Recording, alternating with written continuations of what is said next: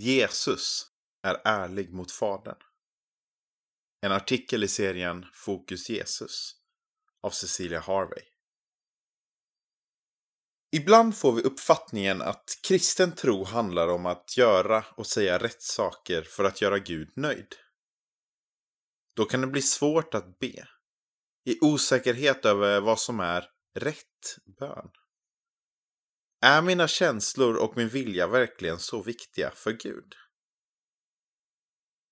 När Jesus ber visas ett annat sätt att förhålla sig till Gud, Fadern.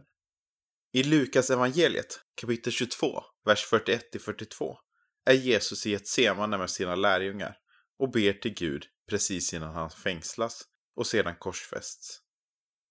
Och han drog sig undan från dem, ungefär ett stenkast, och föll ner på knä och bad.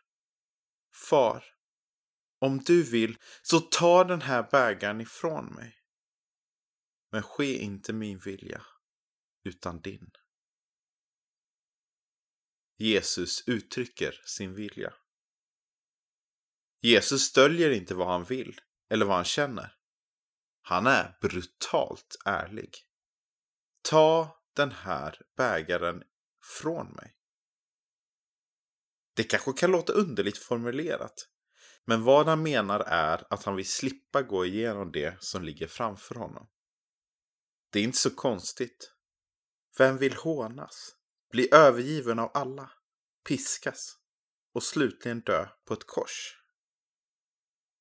Jesus visar att han är mänsklig i sina känslor och uttrycker dessa öppet inför sin far.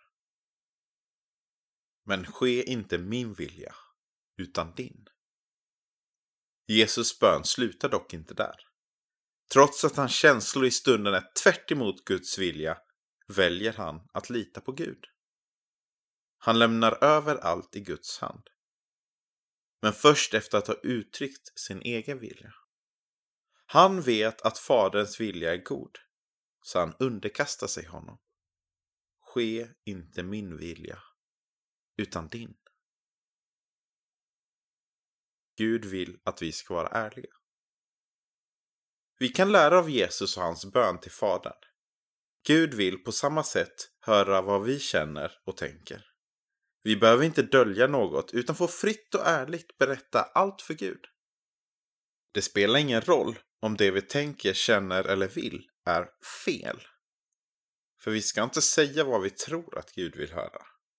Vi ska vara ärliga och säga vad som finns på vårt hjärta. Precis som Jesus gjorde. Men ske inte vår vilja, utan din. Likt Jesus får vi också landa i att Guds vilja är godare än vår vilja. Efter att ha kastat allt på honom får vi lita på att han är god och älskar oss. Vi får, tillsammans med Jesus, underkasta oss Faderns vilja och be. Ske inte vår vilja, utan din.